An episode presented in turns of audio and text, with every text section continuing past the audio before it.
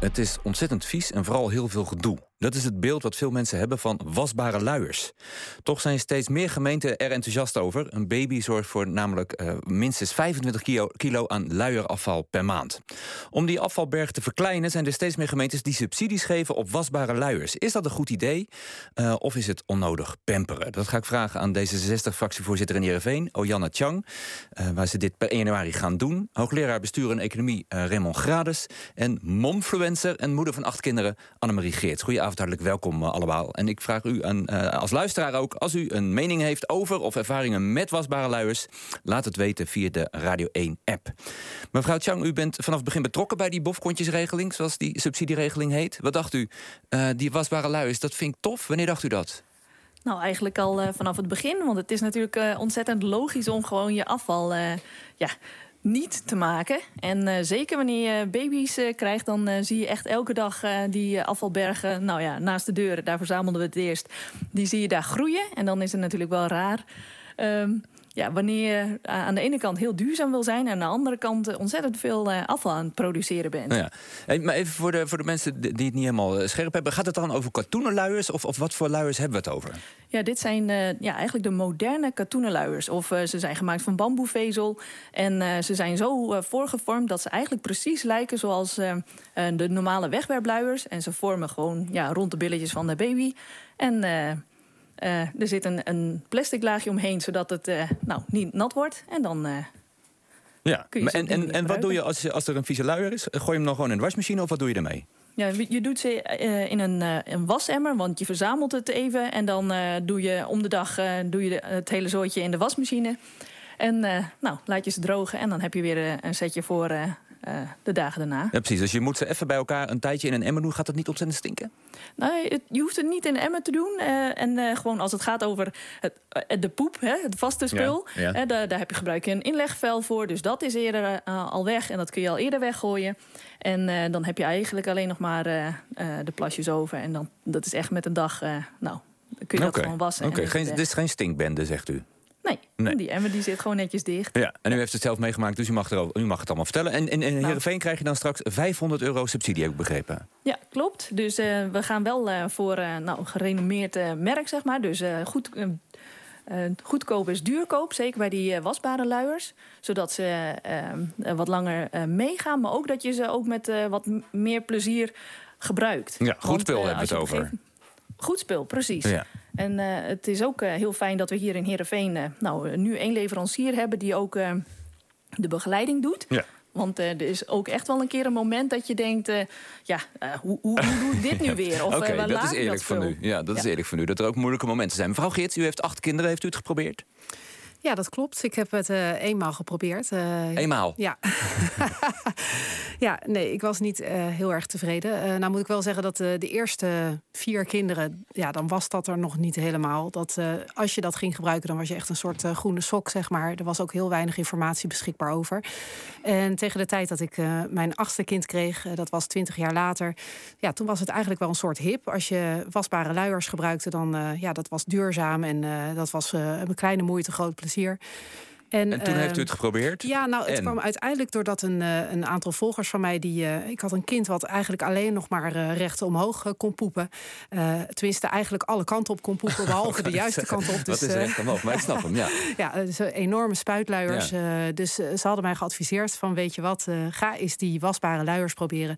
Want die hebben dat niet. Die, ja, daar zit elastiek aan de bovenkant. En ja, we garanderen dat, dat, dat het dan stopt. Ja. Nou, dat was ook zo. Dus in dat opzicht uh, was ik zeer tevreden. En, uh, dus ze sluiten beter af dan de gewone luiers, zeg maar. Ja. Uh, want er, is ook, er zit een elastieke rand die goed afsluit. Dus, niet onbelangrijk. Nee, absoluut niet. Maar ja, daarna, ik had er dus eentje geprobeerd. En toen ben ik gaan informeren van jou, als je dan verder wil, wat dan? Want met één luier kom je er niet. Um, en zeker niet als je een gezin hebt met acht kinderen. ik was drie wassen per dag. ja, dat schiet gewoon niet op als nee. ik dan continu ook nog zo'n luierwas erbij moet gaan draaien. Want ze kunnen niet met wasverzachter. Je moet moet je oh. kan ze niet op 60 graden wassen. Uh, dus je zal daar toch ook een aparte was voor. Ik zie mevrouw Chang uh, verbaasd kijken. Ja, Ja, zeker. Want uh, juist die uh, wasbare luiers die uh, duwen juist wel op 60 graden. Hè? Ik bedoel, dan ben je ook. U, u, had het net over dat die luiers zo vies zijn. juist met 60 graden, dan ben je gewoon die echte viezigheid kwijt. En worden ze gewoon ook netjes schoon. Uh, ik kan me wel voorstellen dat als je inderdaad maar één zo'n luier hebt... en dat je dan echt zit, dat het echt een aparte was moet zijn... dan begrijp ik inderdaad die uh, ervaring heel goed. En ja. ja. het is juist inderdaad dat je een volle was uh, daaraan besteedt. Um, maar ja. Dus je moet meerdere luiers aanschaffen dan? Zeker. Ja, ja dan kwam je echt wel op zo rond de ja, 28 luiers, zeg maar... wilde je het een beetje, dat je er niet apart voor hoefde te wassen.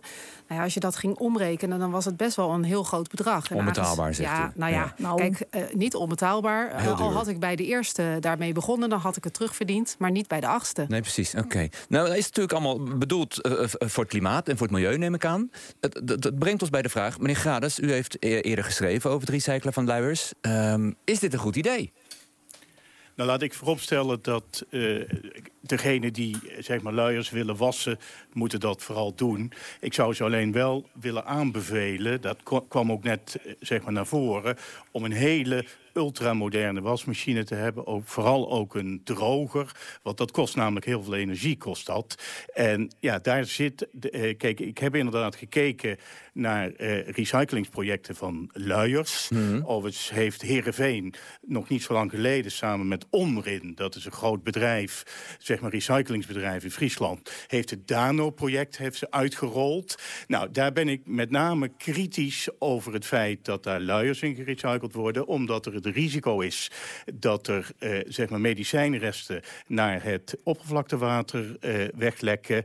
En ja, dat kan alleen maar tegengehouden worden door zeg maar, die luiers te recyclen op een hele hoge temperatuur, 250 graden. Wacht even, want er zitten dan medicijnresten in die luiers? De, medicijnen die die kinderen of de moeder hebben gebruikt? Nou ja, kijk, het gaat hier natuurlijk om een grootschalig project... waar ook incontinentiemateriaal in zit. Okay. En met name in het incontinentiemateriaal, daar zitten medicijnresten in. En een groot probleem is, waarover het ook het RIVM voor waarschuwt... is dat eh, zeg maar, er in toenemende mate medicijnresten in het hmm. oppervlaktewater zijn. En daar wordt dus gezegd van wil je die luiers, zeg maar, die uh, recyclen, dan moet dat tot een hoge temperatuur gebracht worden. Dus dat zit bijvoorbeeld ook in dat project in, in Heerenveen... wat Omrin doet. Oké, maar, maar al met al, is het beter voor het milieu?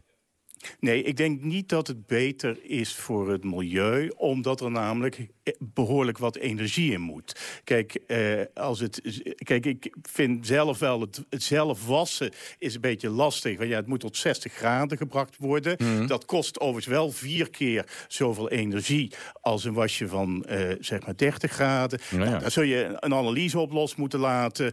Maar ik denk niet dat het, dat het beter is, of misschien marginaal. Maar waar ik vooral bezwaar tegen heb... is dat dan de gemeente zeg maar, hier toch een behoorlijke hoeveelheid subsidie instopt. En met name onder het mom van dat dat goed zou zijn voor het klimaat. Oké, dan gaan we even naar mevrouw Chang, want die zit ja. te popelen. Ja, mevrouw Chang? Ja, heel goed, heel goed, dankjewel. Uh, want uh, kijk, uh, meneer belicht wel één kant van de zaak. En ik bedoel, over incontinentie, incontinentie, daar hebben we het volgens mij nu niet over. Het gaat nu echt vooral over de wasbare luiers van baby's. daar, nou, Kost veel energie, zegt hij. Dat zegt hij. En uh, dat, misschien is dat ook zo, maar we moeten het vergelijken met de wegwerpluiers. En tegelijkertijd hebben we hier uh, in Nederland uh, of in Heerenveen ook dat wij moeten betalen per kilo. En het ontstaan van dit project ligt in die periode, namelijk wij laten onze inwoners per kilo betalen. We hebben met elkaar een opgave om die afvalbergen Maar even, even los ervan, ik wil vooral antwoord op de vraag of het milieuvriendelijker is. Ja, het is milieuvriendelijker, omdat ook de productie van wegwerpluiers ontzettend veel energie kost. En dat zou je met elkaar moeten vergelijken. En ook oh, de verbranding. Meneer, meneer Grades, als je dat meeweegt? Ja, kijk, voor mij moet je kostenbatenanalyse maken. Uh, ik denk dat er behoorlijk wat energie in moet. Energie ook steeds duurder wordt. Uh, nou, bedoel, die heb ik niet gemaakt. Dat heb ik wel eerder voor die grootschalige, uh, zeg maar, luirecycling ja. gedaan. En, en, en daar is de slotsom dat het niet, zeg maar, profijtelijk is voor okay. het milieu. Oké, okay. want mevrouw Geert, zou dat voor u wat uitmaken? Als het echt goed is voor het milieu, dan moet het misschien maar. Moet je even je best doen. Ja, daar heb ik wel een hele duidelijke mening Namelijk? over. Kijk, uh, het, het, ouderschap is al soms lastig genoeg. En het is gewoon best wel heel gemakkelijk om uh, een luier te pakken en Ja. uh, te verschonen. En de oude luier gewoon in de vuilnisbak te Niet gooien. nog ingewikkelder maken. Nee, sorry. Nee. Eh, voor mij niet in ieder Mevrouw geval. Chang, eh, is er veel belangstelling? Tot slot? Ja, er is, eh, ehm, er is wel veel belangstelling en we hebben ook veel eh, informatiebijeenkomsten die we daarvoor organiseren. En we hebben natuurlijk gewoon alle eh, mensen die eerder in een pilot hebben gezeten. Dat zijn ook onze nieuwe ambassadeurs voor dit project. Ehm, nou, en op die manier. oh, en trouwens, in Heerenveen hebben we trouwens al eh, sinds jaar en dag het, de laagste afvalberg in heel Friesland. Dus volgens mij is dat ontzettend mooi. U kijkt er trots bij, zie ik. Ja. Ja, en in ja. januari gaan we los. Dat. We gaan los we met kunnen eh, nu alvast... afwasbare luiers. Goed, nou, we gaan het in de gaten houden of het, eh, of het een vooruitgang betekent. D66-fractievoorzitter in Heerenveen, Ojanna Chang. Hoogleraar bestuur en economie Raymond Grades. En een momfluencer Annemarie Geert. Alle drie heel hartelijk dank voor dit gesprek.